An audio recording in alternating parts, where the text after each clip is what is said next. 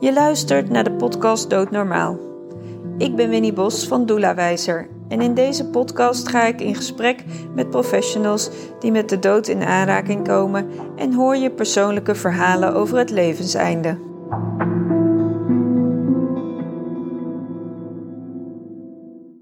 Ik zit vandaag aan tafel met Monique van Beckham. Ja, welkom. Fijn dat, je, eh, dat ik hier bij jou aan tafel mag zitten.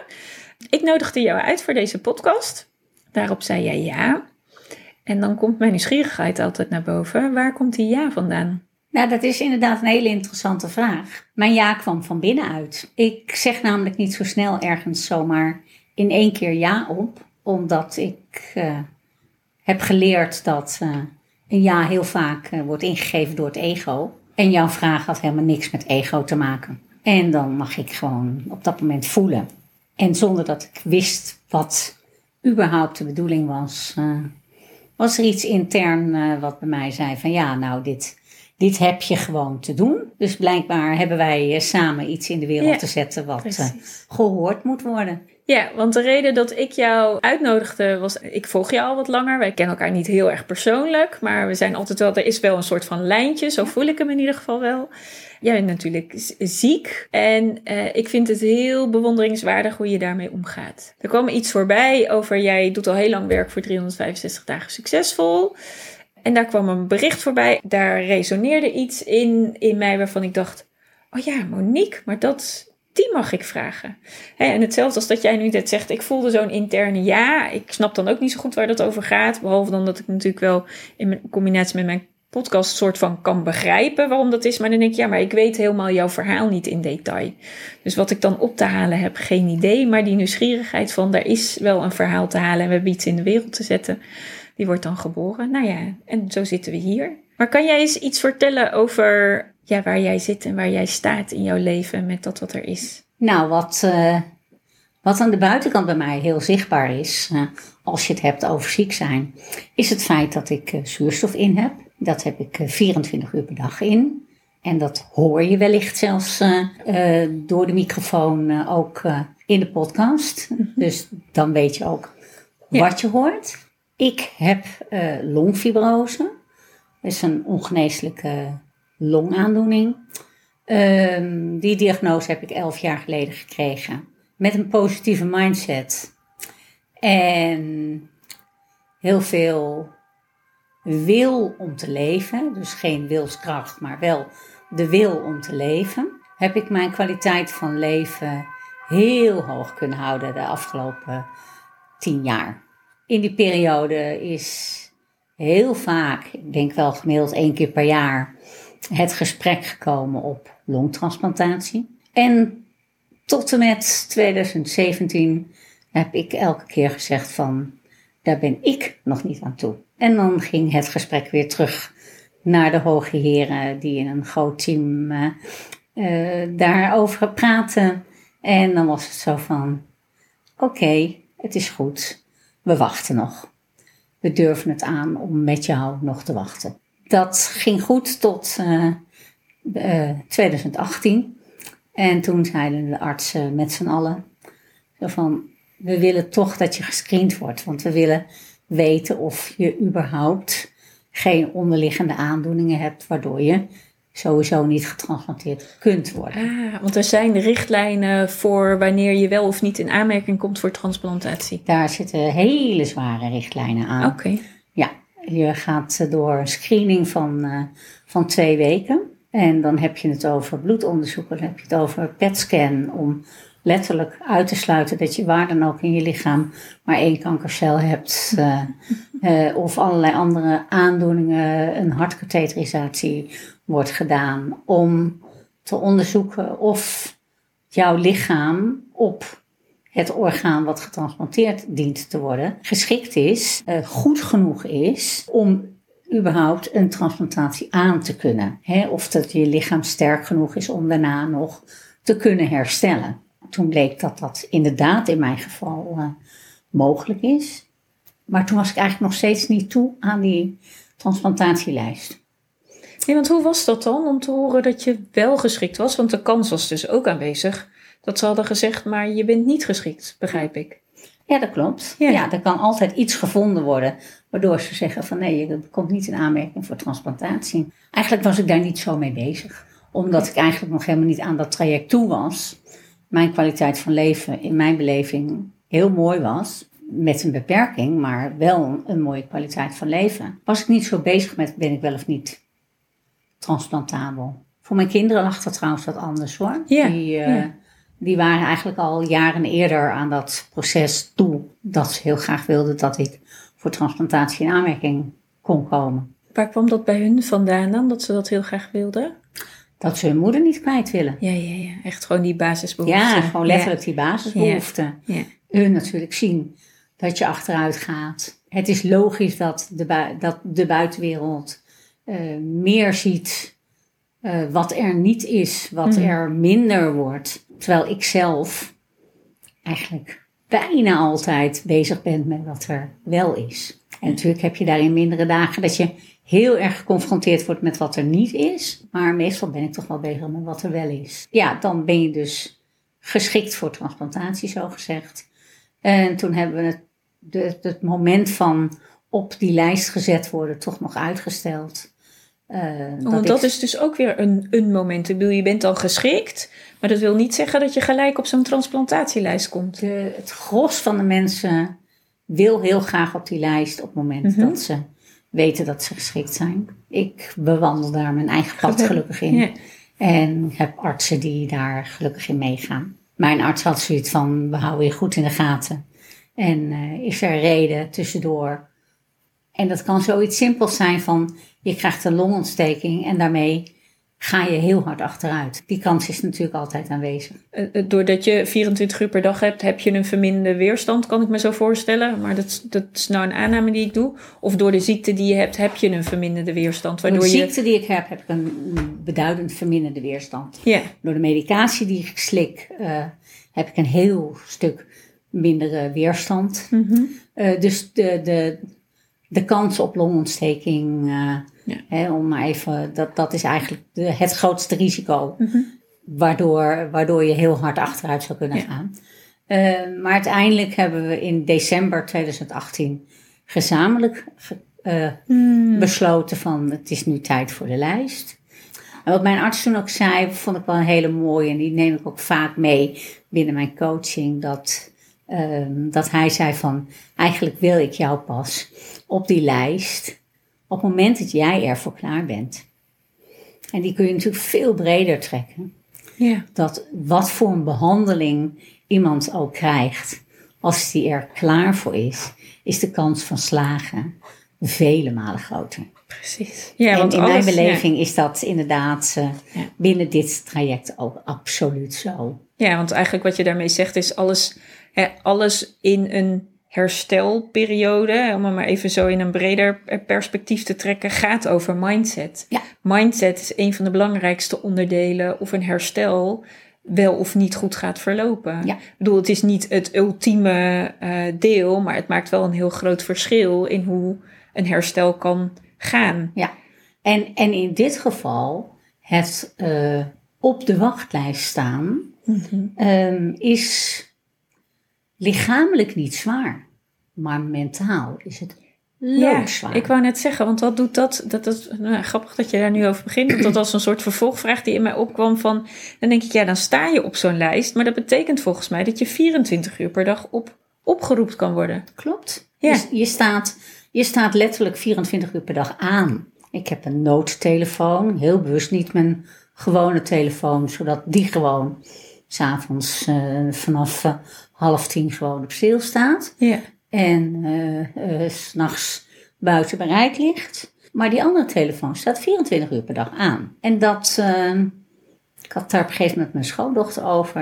Ik zeg, je kan dat vergelijken met als jij een pieperdienst hebt, s'nachts, dan slaap je anders. Uh, je weet dat je wakker wordt van die telefoon, want die staat wel op een volume dat je daar, al slaap je heel diep, echt wel wakker van wordt. En toch slaap je anders. Je zit net in een ander bewustzijnsniveau. Uh, je zit op een andere trilling uh, dan wanneer je ja. eh, geen nachtdienst hebt. Ja, precies. En En, jij hebt had- dan nog zeven dagen in de week, 365 dagen per jaar. Sinds wanneer? December 2018. Ja, dus dat gaat nu al eh, bijna drie jaar, Ja. eh, zeg maar, eh, doet dat zijn ding. Ja. En, en, en ben je al wel eens een keer op, eh, of tenminste, gaat dat dan zo dat je wel eens een keer opgeroepen kan worden en dat het dan niet gebeurt? Of ja, ik heb geen flauw idee hoe dat gaat, maar Ja, ja dat, eh, dat is iets waar je ook wel in principe goed op voorbereid wordt. Mhm. Ehm, en eh, in augustus ging die telefoon dus ook. augustus van dit jaar. Ja. Oké. Ja, en dan staat met een minuut of twintig staat de ambulance voor je deur. Ehm, maar de arts zegt wel op het moment dat hij je belt, van hou er rekening mee. Er is op papier een match, maar pas na uitname, en dat zal in dit geval pas in de loop van de avond zijn, eh, weten wij of de longen ook geschikt zijn voor transplantatie. Oké. Dus het kan gebeuren dat je, in mijn geval was het zo dat ik eh, al vrij snel na aankomst wist dat de operatie niet doorging. Maar het kan ook zo zijn dat je al helemaal voorbereid bent, dat je al op de operatietafel zou liggen. Eh, zelfs tot dat moment kan het nog gebeuren dat er toch iets in uitgenomen longen eh, ontdekt wordt. Als een bacterie bijvoorbeeld. Waarvan ze zeggen van ja, maar deze longen gaan we niet transplanteren. Want iedere bacterie in die, nieuw, in die uitgenomen longen, eh, die krijgt vrij spel in een nieuw Ja. lichaam. Ja. Want je krijgt zoveel medicatie daarna, dat ieder oneffenheidje wordt uitvergroot. Ja, precies. Maar eh, jij zei, zei het even zo heel vlug. Van ja, ik wist al vrij snel dat mijn operatie niet doorging. Ehm, hoezo? Nou, in mijn geval was het niet zo dat de, eh, dat de longen niet, niet in orde waren, maar dat, eh, eh, dat er een calamiteit binnen het ziekenhuis was, waardoor er op dat moment niet geopereerd kon worden voor mij. Maar Oké. voor een, in- een nog dringender Ja. Ja, dat Situatie. Oké. Ook wel raar eigenlijk, want dan denk ik, ja, je staat op een transplantatielijst omdat je een levensbedreigende ziekte hebt. Hè, je kan aan de ziekte die je hebt, kun je sterven. Ik bedoel, dat, ja, dat kan bij wijze van spreken morgen zijn. Maar dan kan er dus een nog meer levensbedreigende acute situatie toch zo voorrang krijgen op die van jou. Ja. Dat brengt dan bij mij de vraag naar boven. En die longen dan, die er waren voor je? Wat, hoe, waarom kunnen die dan niet de dag daarna? Of ja, geen idee. Omdat iemand overlijdt. Ja, maar die, de, dus die longen die zijn op een gegeven moment maar zo lang houdbaar om te transplanteren Ja. naar iemand anders. Ja. Ah. Dus deze longen zijn eh, naar iemand anders gegaan in een ander ziekenhuis. Jeetje. Ja. Wat, wat doet dat met je? Ehm, in eerste instantie ehm, zijn eh, alle vormen van emoties eh, langsgekomen. Van gelatenheid tot woede, tot eh, machteloosheid. Nou, eh, noem, noem ze maar op, ze zijn langsgekomen. Eh, maar het ging over emoties.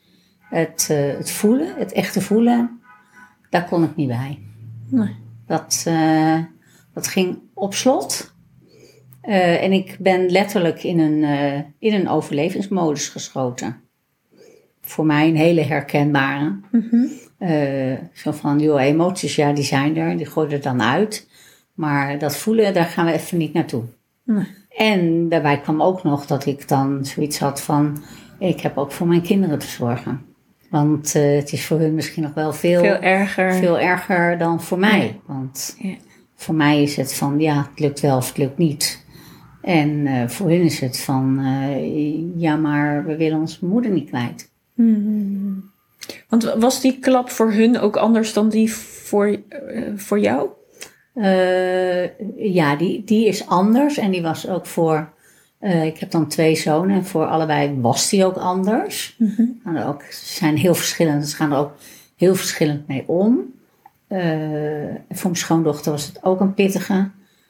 Die is zwanger. Ah, en ja. dan maakt dat Ja, dat, voor mij is dat een hele ingewikkelde. Mhm. Het is aan de ene kant een mega drijfveer om, om door te zetten. En aan de andere kant eh, vond ik het op dat moment voor haar heel belastend. Dus nee, die, die, voor hun is het, is het absoluut anders. Omdat ik heel erg heb gemerkt dat ik me na een aantal weken eh, heel erg kan vasthouden aan het stukje dat ik erin geloof. En ook echt in geloof dat deze longen niet voor mij bedoeld waren. Ja, ik denk dat als je als luisteraars dit nu horen, dat ze dat iets heel geks vinden Ja, als je dat op zo'n manier zegt. Ja, die snap ik ook. Ja. Ik, ik bedoel, ik kan je heel erg volgen, want zo kijk ik ook Ja. naar de dingen in het leven.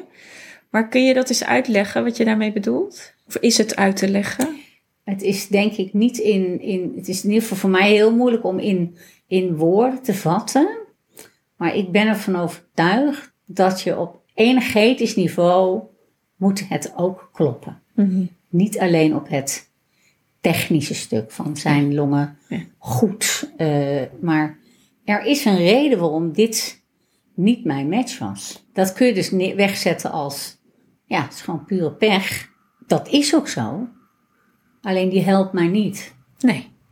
Eh, en wat mij wel helpt, is de gedachte of de wetenschap dat, eh, dat deze longen op de juiste plek terecht zijn gekomen.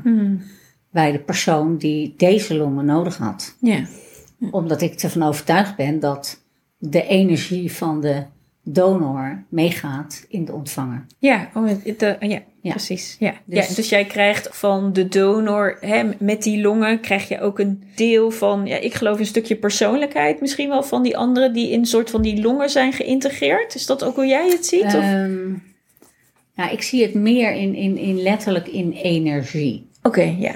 Ja, letterlijk eh, dat ik zoiets heb, de, de chi. hè, dus de energie van een persoon, ja. die zit ook in zijn organen. Ja.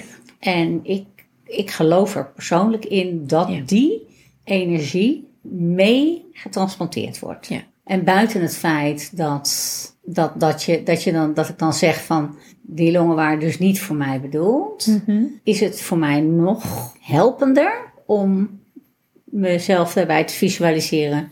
Die longen zijn op de juiste plek terechtgekomen. Ja, dus ook wel een beeld te hebben van, oké, die longen zijn, we- die hebben hun reis gemaakt. Dat Ja. wat, wat nodig was voor die longen. Ja. En voor mij is dit nu wat het is, Ja. is, is waar ik nog steeds mag zijn. En ook wel de, de, de overtuiging dat, dat de juiste longen, als, hè, als die vrijkomen, dat ze, dat ze voor mij zijn. Ja, maar als je dit dan zo op deze manier zegt, hè, dan vraag ik me af: is er dan ook een bedoeling waarom jij deze ziekte hebt? Kijk je daar dan ook op die manier naar? Ja? Oké, en, wat, en wat is dan de bedoeling? Wat mijn ziekte mij gebracht heeft, is de noodzaak om daar bij mezelf te komen waar ik heb te komen. Dus om diep van binnen niet alleen te weten, maar ook vooral te voelen waarom ik hier ben. Wat ik hier te doen heb, wat ik hier te brengen heb. Ja, ja. En wat heb je hier te brengen? Ik denk dat eh, als ik dat in een korte zin zou moeten zeggen, dat zou worden om over te brengen dat een ieder de regie heeft over zijn eigen leven. Ja, vind ik mooi gezegd. En als ik daar bij velen een klein stapje in mag, mag helpen zetten, want iedereen moet hem zelf zetten. Het gaat over regie, dus dat heb je zelf te doen. Ja. Maar als ik iemand handvat kan geven om, eh, om iemand te stimuleren om, eh, om de regie weer, vaak is het weer, Ja. terug te pakken over zijn of haar eigen leven, dan eh, word ik daar gelukkig van. En, en hoe doe je dat dan? Heb je uitingsvormen waarop jij dat in, in, dit, in, in het leven uitgeeft? Ja, dat doe ik door middel van, eh, van coaching. En dat eh, doe ik op dit moment. eh, dat heb ik dus tien jaar voor 365 dagen succesvol gedaan. En daar ging het vaak over connecting the dots. Wat zijn je kernwaarden? Waar sta je voor? Waar, wat, wat wil je bereiken in de wereld? Ehm, eh, maar ook zo van, en hoe ga jij dat dan vormgeven?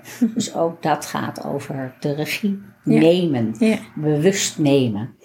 En eh, ik doe dat nu ook voor de longfibrose patiëntenvereniging, waarin ik eh, patiënten uitnodig om daar het eens eens over te hebben. En dat zijn dan heel vaak hele diverse vragen in eerste instantie. Eh, en dan blijkt, als je het gesprek aangaat, dat het heel vaak gaat over allerlei overtuigingen die mensen hebben. En op het moment dat je daarmee aan de gang kunt gaan, dan pak je automatisch weer een stukje van de regie terug. Ja.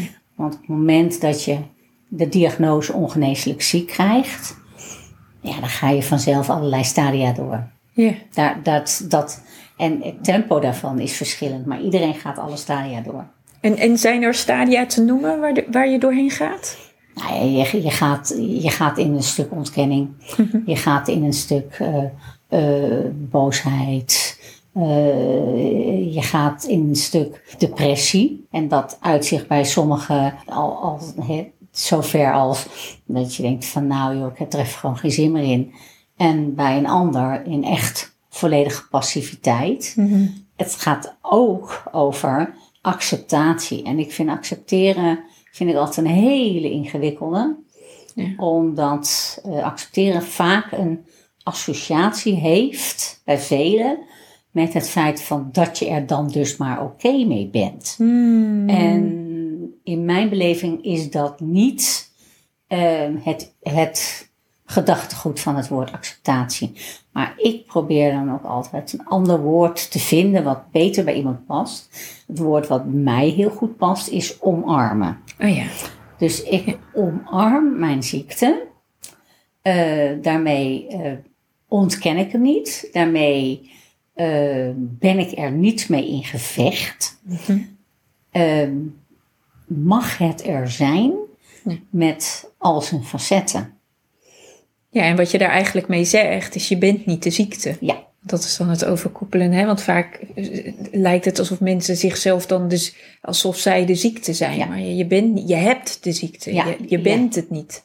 nou dat vind ik ook een hele belangrijke. Je hebt een ziekte, of ik, mm, ik gebruik het woord ziekte zo min mogelijk. Ja, Ik precies. gebruik meestal het woord aandoening. Ja, En het moment dat je beseft zo van joh, maar ik ben ik. Hmm. Ik ben niet mijn ziekte. Die ziekte die belemmert mij wel, Mhm. maar ik ben nog steeds mezelf. En, en, en het moment dat je vecht tegen je ziekte, vecht je dus met jezelf. ja dat wordt dan, kan ook een hele eenzame strijd worden, kan ik me zo voorstellen. Ja, en het is een strijd die je dus niet kunt winnen. Nee, nee, want de ziekte Want- gaat er nooit mee, Nee. die gaat er niet mee weg. Die, gaat Die kan er weg. denk ik uiteindelijk, als je die instelling neemt, ik geloof heel, heel erg in hè, hoe je energetisch zeg maar met je, met je aandoening aangaat. Dat of je dat vanuit een positiviteit pakt en heel erg de insteek neemt van, ja maar ja oké, ik heb dat, maar er is nog zoveel wat er, wat er is wat ik kan doen ten opzichte van, ja maar ik kan helemaal niks. En heel erg in dat van, ik kan helemaal niks gaat Ja. zitten hangen. Ja, Want dan, ja, dan wordt het leven natuurlijk nooit... eh, het wordt er niet leuker van. Nee, Nee. het is al lastiger door wat je minder kan. Ja. Maar het is natuurlijk mooi om te, om, ja, echt om te omarmen. Ja, maar er is nog zoveel wat er wel kan. En laat Ja. ik daar dan van genieten. Ja. Ja, dat is, er zijn natuurlijk fases waarin, waarin dat heel erg moeilijk is. Ja. Als ik een patiënt spreek die, ja, die eigenlijk gewoon net tot de conclusie komt dat hij, eh, eh, om een voorbeeld te nemen, dat hij de tuin niet meer kan doen, dan voelt dat op dat moment ook letterlijk Ja. alsof hij de tuin niet meer kan doen. Ja. Als je dan door gaat vragen en vraagt wat hij nog wel kan, ja, op dat moment is het van, nou, ik kan niks meer. En als je dan vraagt van, maar lukt het je nog om, eh, om af en toe wat eh, gras tussen de tegels vandaan te halen? Ja, dat lukt wel. En, en hoeveel, eh, hoeveel vierkante meter kun je dan op een, op een dag? Nou, s ochtends twee vierkante meter en smiddags vier, nog een keer twee vierkante meter. Oké, nou is het vier vierkante meter per dag. En eh, hoe groot is dan die tuin? Dus hoeveel tijd heb je daar dan voor nodig? En dat je dan zoiets hebt van, oké, dat je de bomen niet meer zelf kunt snoeien, snap ik. Mhm. Dus dat heb je te organiseren. Is er ook nog iemand die het leuk vindt om je te helpen? Ja, er zijn wel een paar mensen die dat wel leuk vinden. Hoe zou het dan zijn als je het samen doet? Ja. Weet je, dus op die manier is het ook van dat, je, dat mensen soms gewoon ook echt eventjes een paar handvatten nodig hebben. Van hoe kom je van wat kan ik niet naar wat kan er nog wel. Ja, precies. Ja. Eh, en natuurlijk voelt het in eerste instantie als je niet meer in een hele dag, in, in één dag, de hele tuin kunt doen. Naar ik heb een week nodig om dat plaatsje voor te Mm. ontdoen van onkruid. Dat voelt in eerste instantie als ik kan niks meer. Mhm. Totdat je het weer wel gaat doen. En het liefst ook nog samen gaat doen. Waardoor het lekker opschiet. Het misschien nog gezellig is. Ja. En je kijkt dan na een week terug naar de tuin. En die ziet er weer mooi uit. Dan voelt hij ook weer fijn. Ja, dus alles moet je eigenlijk in, steeds weer in een nieuw perspectief gaan Ja. bekijken. Ja. Dat is eigenlijk wat je zegt. Maar goed, dat, dat, daar komen we wel ook terecht op het feit van... ja, maar hoe beperkt ben je dan als je longfibrose hebt? Ik bedoel, wat houdt dat in? Je vertelde al, je bent 24 uur verbonden aan zuurstof. Maar, wat, wat houdt dat in? Ik bedoel, eh, wat betekent dat in de dagelijkse dingen van de dag voor jou? Nou, dat, in, in mijn geval. Hè, dat is natuurlijk met. met Dat verschilt waarschijnlijk dat per... ontzettend verschillend. Ja. Ik ben Ja. pas sinds eh, begin van het jaar 24 uur per dag Ja, Oké. eh, zuurstofafhankelijk. Mhm. Tot die, voor die tijd is het al jaren dat ik bij inspanning eh, Mhm. zuurstof gebruikte. Maar die inspanning was in de eerste jaren alleen letterlijk tijdens het sporten. Oh ja. En daarna werd het ook tijdens het fietsen. En daarna werd het ook tijdens het wandelen. En daarna werd het eh, bij iedere trap die je op moet. En dus het woord inspanning, dat verandert Ja. dan steeds. Maar dat, dat gaat, in mijn geval, is dat heel geleidelijk gegaan. Ja. Inmiddels mag ik eigenlijk niks meer zonder zuurstof. Eh, dat zegt niet dat ik niks kan zonder zuurstof. Alleen het is een keus dat ik graag getransplanteerd wil worden. Mm. Eh, dat betekent dus dat ik op dit moment gewoon heel goed voor mijn lichaam moet zorgen. Als mijn lichaam te lang te weinig zuurstof krijgt, is dat niet zo goed voor mijn lijf. Is het niet zo goed voor de rest van mijn organen. En loop ik het risico dat daar gewoon complicaties gaan ontstaan. Ja. Dus ik heb te zorgen dat mijn lichaam zo min mogelijk inspanning hoeft te doen om gezond, zo gezond Ja, mogelijk te te kunnen leven. Dus eigenlijk is deze zuurstof ook voorbereiden van jouw lichaam op dat je mogelijk in de toekomst een transplantatielongen gaat ontvangen. Nou, het is, het is vooral het zo goed mogelijk houden. Ja, Dus is het ook zo dat, dat ik af en toe letterlijk eventjes extra zuurstof moet pakken. Als ik ga douchen, wat bijvoorbeeld in mijn geval iets heel inspannends is, eh, dan moet die omhoog.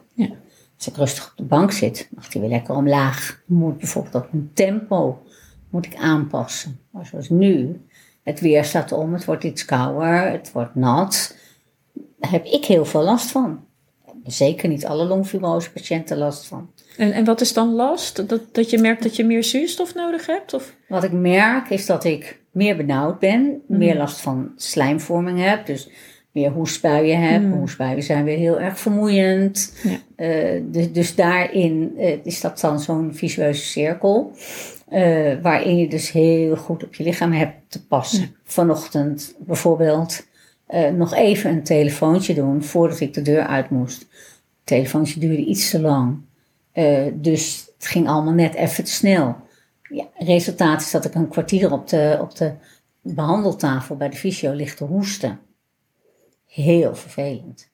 Want het is gewoon vreselijk vermoeiend om continu te hoesten. Dus daarin is het zo van, nee, je kan ook zeggen van, oké, dat telefoontje pleeg ik nu niet, want ik heb gewoon mijn eigen tempo te bepalen. En dat tempo kan iedere dag anders liggen. Want voor mij is mijn longfibrose een, een hele onvoorspelbare aandoening. Er zijn dagen dat ik het idee heb dat ik de hele wereld aan kan. En er zijn dagen dat ik gewoon het idee heb van, joh, nou, bank, toilet, keuken, bed. Nou, daar blijft het wel zo'n beetje bij vandaag. Ja. Dat is ook ingewikkeld. Ja, want dat vraagt heel veel flexibiliteit van jou. Ja. Want je hebt dus eigenlijk nooit ergens regie op. En je kan dus heel weinig van tevoren plannen. eh, omdat je eigenlijk niet weet hoe, hoe je er dan bij zit. Eh, ja en nee. Er zijn gewoon een aantal dingen die gewoon moeten.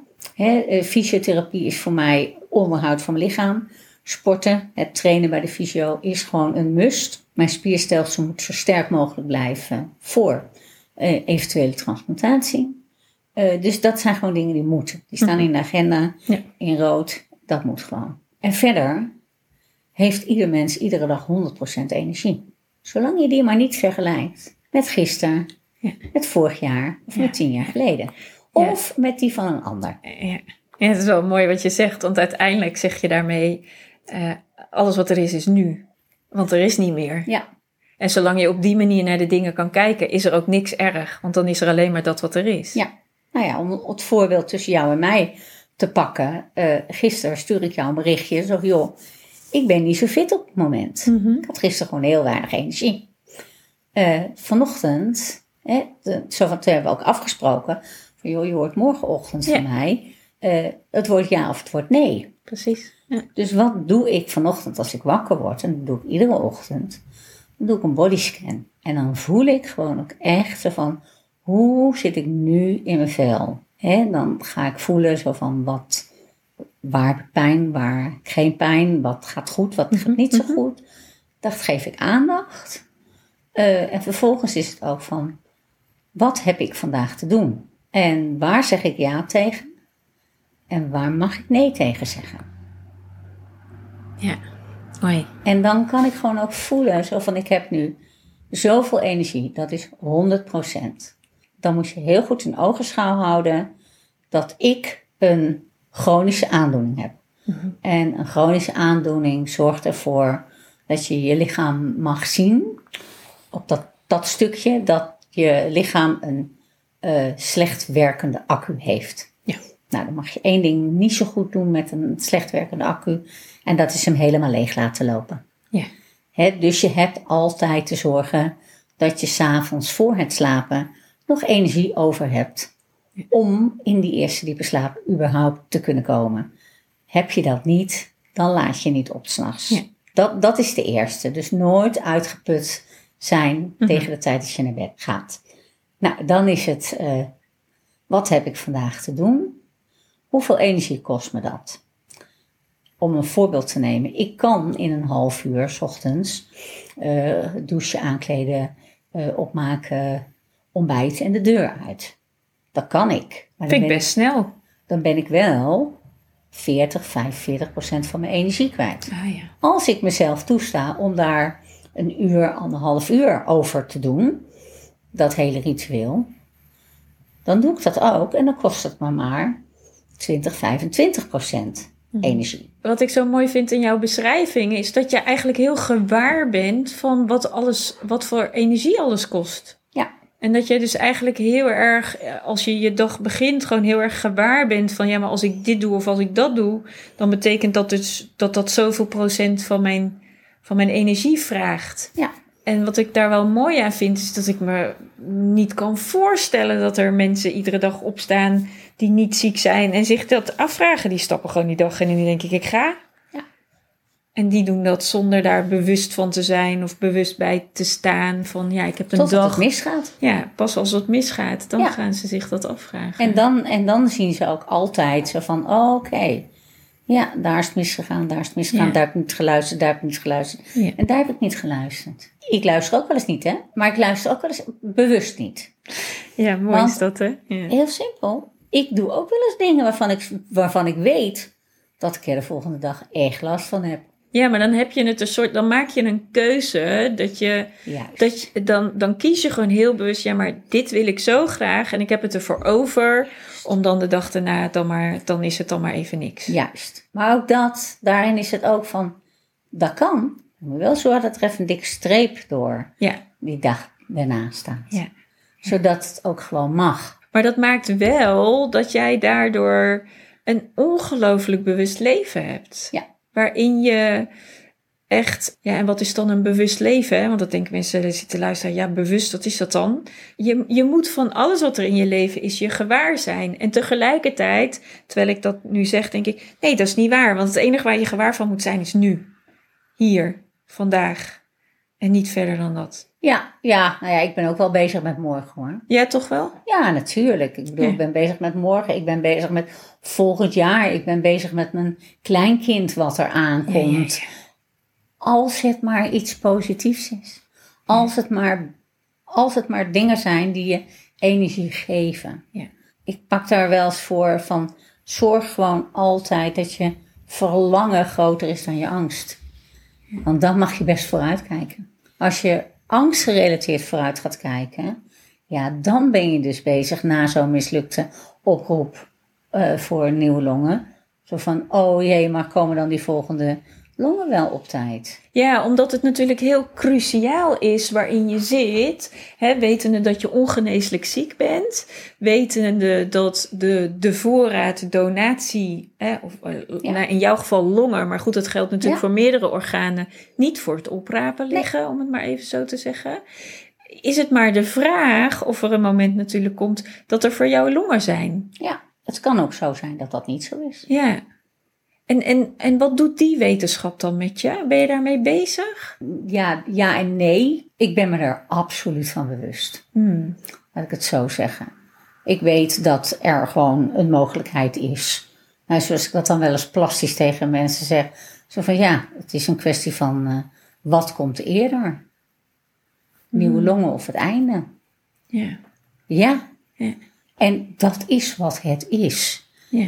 Heel simpel. eh, ook met de dood kun je beter niet in gevecht zijn. Nee, want waarom niet? Nou, wat, wat brengt dat je? Ja, Wat brengt dat eh, je nu niet leeft? Ja, precies. Ja. Dus ook daar weer leef je angstgerelateerd of leef je vanuit verlangen. Mm. Hè, ik ben niet bang voor de dood. Alleen Heb je, heb je daar een heel- beeld bij dan? Want het, jij, bent, jij bent ziek aan je longen. Dus dat, dat betekent nogal wat voor jou. Ik bedoel, longen is je lucht, dat is je Ja. ademhaling. Dat, ik bedoel, zonder ademhaling is er geen leven. Ja, dan, dan, dan houdt het op. Ja, Maar ik heb zoiets van, als het, als het klaar is, is het klaar. En aan de andere kant heb ik ook een heel groot verlangen om te leven. Een heel groot verlangen om een kleinkind te zien opgroeien. ja. Een heel groot verlangen om nog van alles neer te mogen zetten op de wereld. Ja, en, en het feit is natuurlijk ook al dat jij in het begin van jouw ziek zijn heel bewust hebt gekozen voor, ja, maar ik hoef nog niet op de transplantatielijst. En heel bewust de keuze hebt gemaakt van, nou, ik, ik wil dat pas als ik er klaar voor ben. En wat we ook al eerder in het gesprek zeiden, eh, herstel of een verandering in je leven, eh, als dat door een aandoening of een ziekte is, eh, gaat altijd gepaard met welke energie breng je daarin zelf mee. En dat heeft betekenis voor het herstel wat je dan gaat Ja. krijgen. Ja. Ehm, Nou heeft het, het, het moment dat je getransplanteerd kunt worden, heeft niet zoveel te maken met het moment waarop je op de lijst komt hoor. nee, nee, dat snap ik. Nee, dat, snap daar ik. de, gelukkig is het, vroeger was het systeem nog wel zo dat, dat hoe langer je op de lijst stond, hoe meer kans je had om Oh, was eh, dat ook? Oh, Dus was dat zo geregeld? Ja, vroeger, Oh. vroeger was dat wel zo. Inmiddels is er een, een, een, eh, een, een Europees transplantatiesysteem.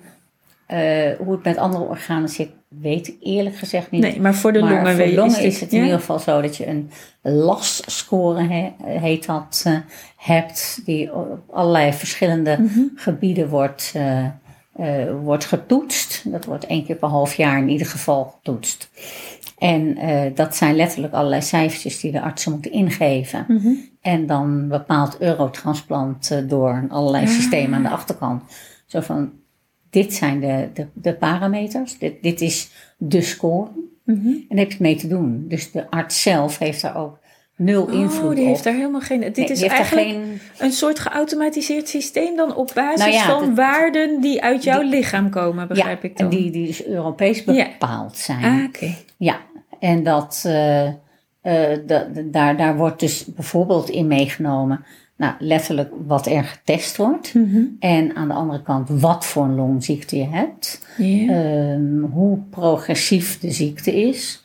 Ehm, dus da- daar zijn allerlei parameters Mhm. voor, waardoor, eh, waardoor de mensen die het het hardste nodig hebben eh, en de meeste kans hebben op herstel, Mhm. eh, het eerst aan de beurt komen. Ah. En daarin is het ook dat, eh, dat daar dus bijvoorbeeld ook uit kan komen dat jij misschien al wel een poosje op de lijst staat, eh, maar dat je niet meer geschikt bent voor transplantatie. Mhm. Omdat bijvoorbeeld jouw lichaam buiten het orgaan om eh, niet goed genoeg is meer. Nee. Hè, dat, Ja. dat, dat, dat, dat bij wijze van spreken je longaandoening eh, je hart heeft aangetast. Ja, precies. Waardoor de risico's, nou ja, de, waarom de, waarop de eh, kans van herstel gewoon Ja, naar beneden gaat. Ja, ja, ja. Eh, maar zo kan het ook zijn dat je op die lijst komt en dat je twee dagen later aan de beurt bent. Ja, ja eigenlijk alles kan, hè? van heel kort Dat, tot dat, heel lang. dat kan tot, eh, allemaal. Je, en ik, je, je kan niet, en er zijn zoveel scenario's, maar dan, Ja. daar moet je allemaal niet over bij. Nee. Ik denk dat daar moet je allemaal niet bij stilstaan. Ik bedoel, je staat op de lijst en de kans is dat je gebeld wordt. Ja. En je weet alleen nooit wanneer. nee, want je kunt bovenaan de lijst staan, Ja, maar als er geen match is, is er geen match. nee, nee. Nee, en die match is wel echt daadwerkelijk Die belangrijk ma- die en noodzakelijk. Ja, precies. Want anders gaat het ook gewoon niet werken. Is er geen perfecte match, dan Nee. gaat het feest niet door. Nee. hey, en nou, nou ben jij degene die dus deze aandoening heeft. Eh, je hebt kinderen, die gaan er op hun manier mee om. Ehm, maar hoe gaat de rest van de wereld om jou heen eh, om met het feit dat jij dit hebt? En de manier hoe jij hier ook in staat en hoe jij omgaat met het feit dat jij ja, longfibrose hebt. Ehm, dat is heel erg wisselend. Hmm. Ehm, ik ben een heleboel mensen kwijtgeraakt Mhm. toen ik ziek werd. Mhm. Ehm, en als je dan achteraf daarna terugkijkt, ehm, waren dat dus relaties waarbij ik heel veel gaf en de ander heel veel ontving. En op het moment dat ik stopte met heel veel geven, de ander zoiets had van nou, laat maar. Mhm. Ehm, dus uiteindelijk zijn dat cadeautjes, dat mensen dan uit je leven verdwijnen, hoe, hoe pijnlijk het op het moment zelf ook Ja. is. Ehm, alle nieuwe contacten en relaties, ja, dat zijn mensen die mij alleen maar kennen met longfibrose. Mhm. Ehm, dus die, die kijken, om het maar zo, gezegd, zo te zeggen, eh, die zien Monique door de longfibrose heen. Precies.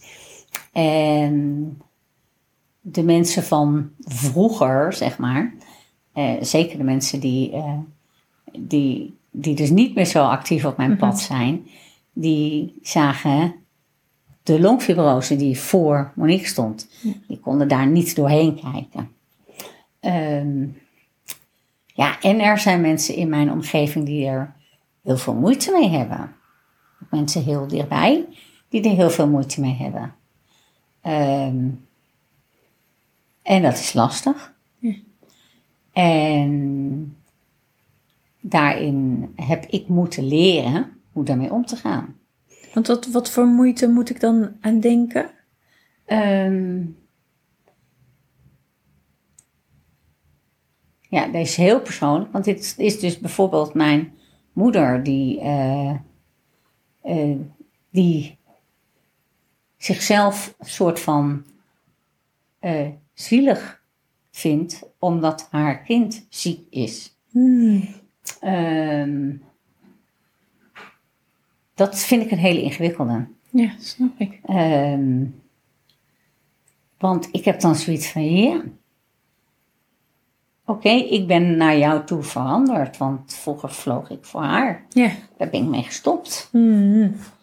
En als je dat vertaalt naar, eh, wat betekent dat dan voor jou? ja, voor mij betekent dat niet zoveel. Maar voor haar betekent het dat, eh, dat onze relatie veranderd is. En zij heeft denk ik vooral moeite met, het, met, met dat stuk dat het nu over mij gaat. En niet, En niet over, over haar. Ja, ja, interessant hè, hoe dat Ja. dan verschuift. hè? Dit, dit, dit, zou dus, eh, dit zou dus typisch zo'n relatie zijn als het niet je moeder was geweest. Hmm. Dan was het een vriendin geweest en daar had je afscheid van genomen. Ja, Maar van je moeder neem je geen afscheid. nee. Dus daar heb je dan mee te dealen. Van hoe ga je daar daarmee om? Zonder dat het je te veel energie kost. Ja, ja want daar Ehm, moet je dan ook wel voor waken. Hè? Dat ja. dat, eh, Ja. ja, ja, dat snap ik. Ja, dat snap ik. Nou ja, daar heb ik binnen 365 heel veel tools voor geleerd. Ja, En dan, in mijn geval is het zo dat eh, de contacten, die zijn en minder, maar vooral korter. Mhm.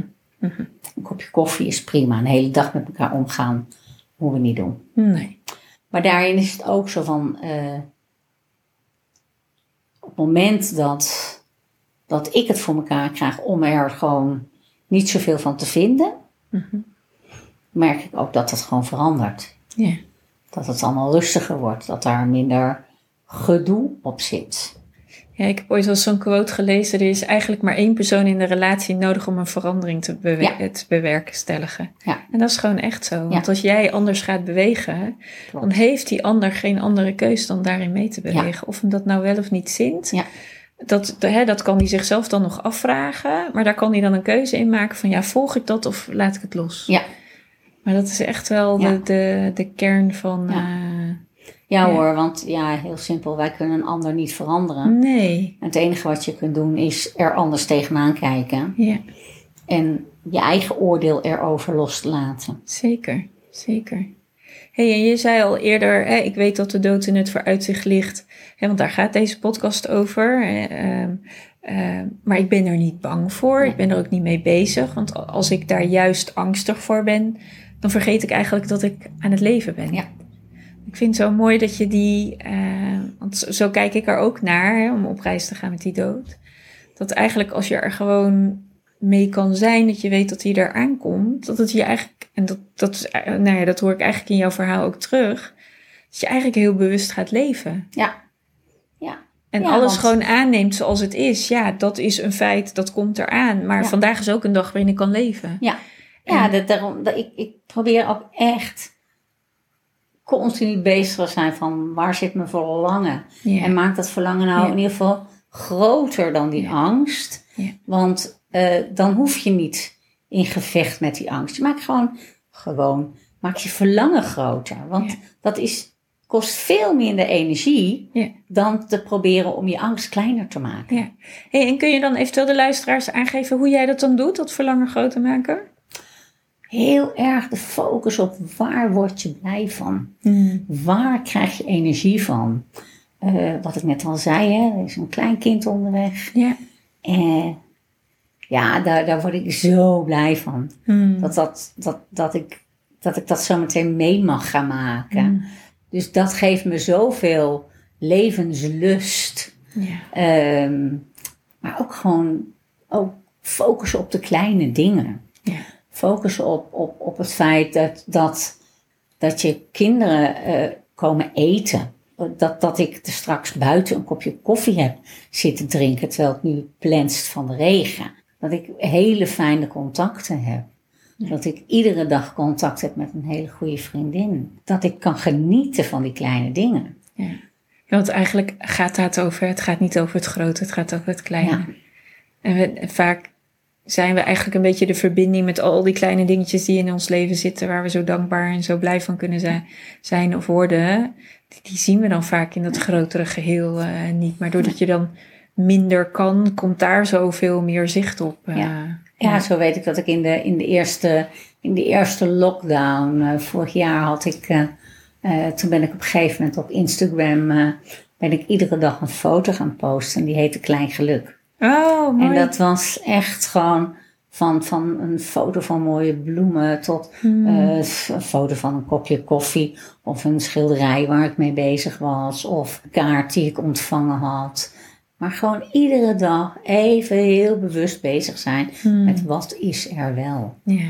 Waar Mooi. word ik vandaag blij mee? Want niet iedere dag is mooi, Nee, maar wel iedere dag heeft iets moois. Ja, precies. Want in het, in het wat niet mooi is, kan ook heel veel moois zitten. Ja.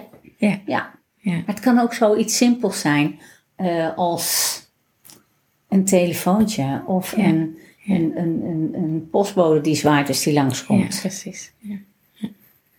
Weet je, Ja. en op het moment dat, en ik weet op een gegeven moment als ik dan, eh nou weet ik veel, een keer een dag niet gepost had of zo, dat mensen zoiets hadden van, hé, hey, waar is je foto? Want, Want we vinden het zo fijn. Oh, mooi. Dat, ik op een gegeven moment merkte van, ik, ik begon ermee voor mezelf. Hmm. Gewoon om, om, om die mindset zo te houden, zo van, joh, focus op wat er wel is. Ja. Focus op al die kleine dingetjes. En op een gegeven moment merkte ik ook dat dus mijn omgeving eh, er ook heel veel aan had. Ja. Want voor mij was die lockdown niet zo spannend. Niet zo ingewikkeld, niet zo moeilijk. Nee. Want mijn wereld is al tien jaar lang eh, in de winterperiode, hè, in de herfst begint het al, zodra het griepseizoen begint, eh, hield ik altijd al afstand. Ja. Moest ik altijd al op gaan passen. Ja. Omdat bij mij gewoon de longontstekingen op de loer lagen. Ja, en die kunnen ook van een simpele verkoudheid komen. Ja. En eh, dus voor mij was dat niet zo ingewikkeld.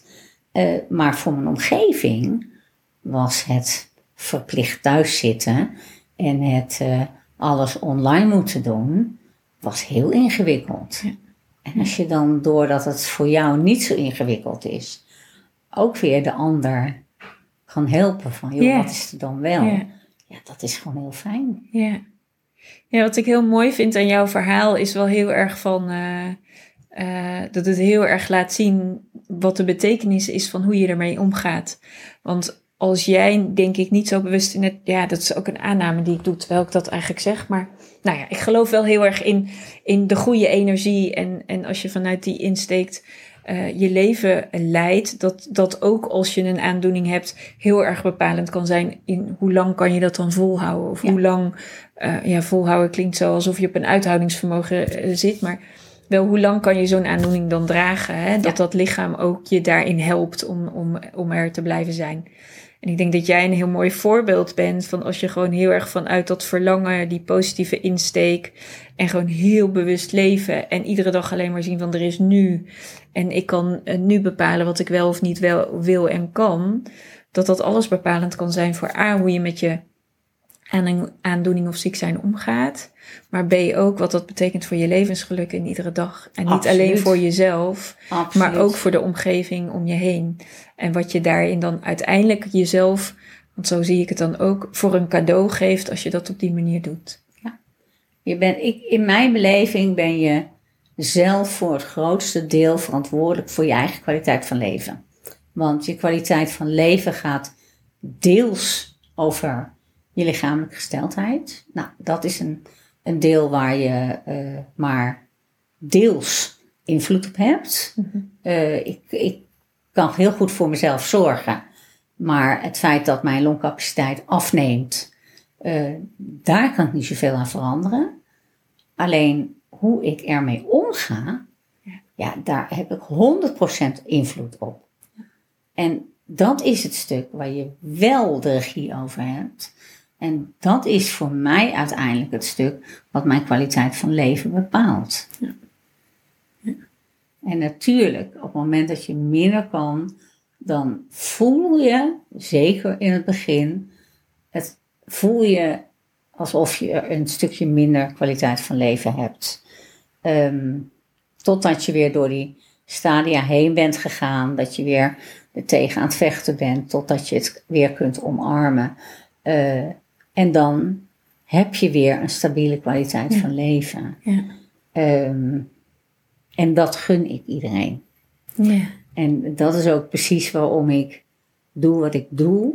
Eh, hè? En dan heb je het over het stuk awareness. Dan heb je het over het stuk de regie houden. Eh, en, en dat kan gaan van hoe je met je dagelijks leven omgaat, maar ook hoe je je gesprekken met artsen ingaat. Eh, eh, maar ook eh, wat ik aan de achterkant ook nog wel doe binnen het UMC. Dat je, dat je ook in praatgroepen zit en in allerlei, op allerlei plekken bespreekt. Zo van, wat kan een arts anders doen? Mhm. Hè, om, om, om te zorgen dat, dat patiënten meer bezig zijn met kwaliteit van leven. Ja. Is iets heel simpels. Laat een arts iets vaker in de spreekkamer vragen. Naast de vragen van wat, waar loop je tegenaan? Waar word je blij van? Ja. Ja, want het is, Hoe altijd zo ge, ja, het is altijd zo gericht op die aandoening Ja. en niet op jouw, jouw zijnskwaliteit. Ja. Het is altijd op het wat kan er niet in plaats van wat kan Ja. er wel. Ja, ja, Ja. Ja. En die, ja, die kan ik, ja, dit, heel begrijpelijk dat er Ja. ook naar de kwaliteit van leven gekeken mag worden. Ja. Van wat, wat is er wel mogelijk? Ja, Want daarin is, eh, haalt ook een patiënt, kijk, eh, haalt ook de patiënt uit, ik ben niet die aandoening, maar ik heb de aandoening. Ja. En dan heb je eigenlijk al de kracht omgebouwd dat iemand in een heel ander bewustzijn uiteindelijk zijn, zie- zijn ziek zijn aangaat. Ja. En dat gaat voor het herstel ook altijd positiviteit met zich meebrengen. Ja. Ja, ik denk dat dat de kracht van alles is. ja, De positiviteit en heel bewust eh, aangaan met wat er is. Ja. En daar heb jij een, eh, daar hebben we een heel mooi verhaal over neergezet volgens mij. Of heb jij nog iets a- aan de luisteraars mee te geven wat we gemist hebben of niet besproken hebben of wat we niet hebben aangeraakt waarvan je denkt, nou, Nou, als we het hebben over hè, zo van het, het einde van het leven, mhm. ehm, zou ik toch nog één keer een lans willen breken voor het stukje donorschap. en wat bedoel je met een lans? Nou, het is. ehm, hè, we hebben nu natuurlijk een nieuwe donorwet, waarin, eh, waarin je automatisch zegt dat je geen bezwaar hebt als je niets doet. Ehm, en ik vind dat een. eh, Maar je kunt ook aanklikken, ik laat het over aan mijn nabestaanden. En zeker die. Daar, eh, daar zou ik willen zeggen, doe dat niet. Je gaat namelijk op dat moment. De meeste mensen die dat namelijk aanklikken, die doen dat met de beste bedoeling. Ja, Alleen wat je doet, is iemand in je nabestaanden in een onmogelijke positie brengen. Je gaat namelijk van iemand vragen of, om het heel plat te zeggen, of er gesneden mag worden in de geliefde die dood ligt te gaan. En, moet dan je als ook een- nog, ja, en dan ook nog eens op een heel cruciaal moment waarin je heel emotioneel bent en bijna niet in staat bent om te beslissen. Je bent dusdanig emotioneel dat je al helemaal niet een, een, een rationele beslissing kunt nemen. Ehm, en ik heb zoiets van, hier gaat het op dit moment nog steeds heel vaak mis.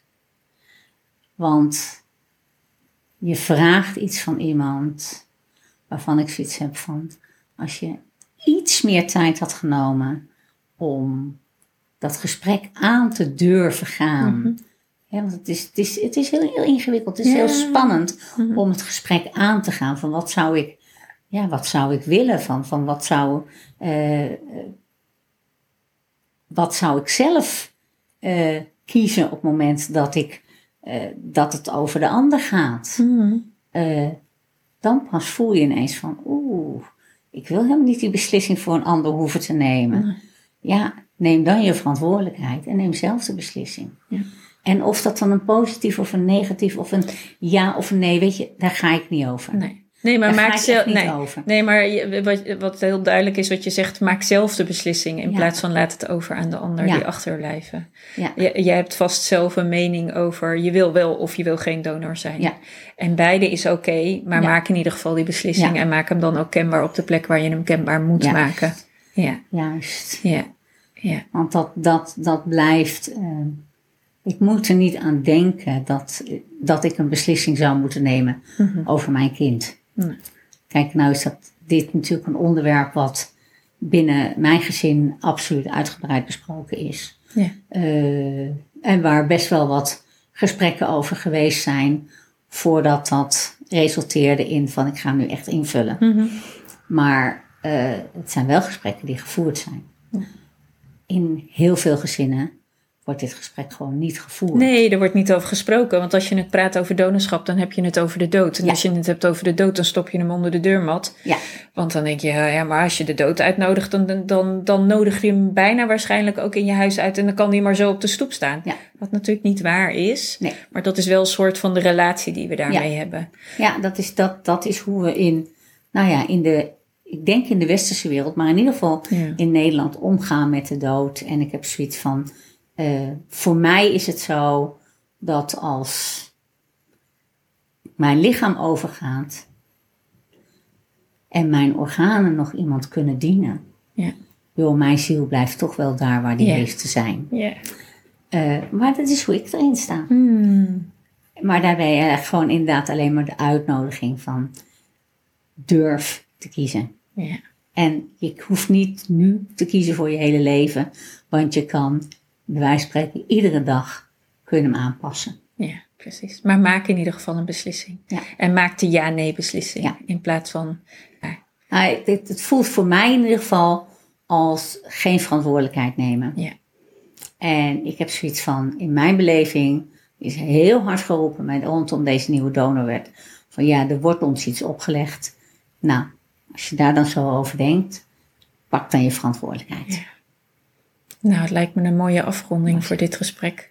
Voor een ieder die dit luistert en die dit nu hoort. Eh, mij maar over wat je wil en registreer het daar waar het geregistreerd mag worden. En eh, wie weet eh, kan Monique daar in de toekomst dan gebruik van maken. Hoe spijtig dat ook is voor degene die dat dan weer betreft. Maar voor jou weer een mooi geluk als dat wel zo is. Dank je wel voor je gesprek. Graag gedaan.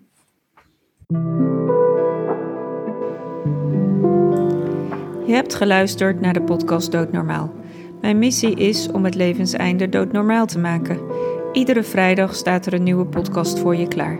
Volgende week spreek ik met Nico Knibbe over rouwen tijdens corona.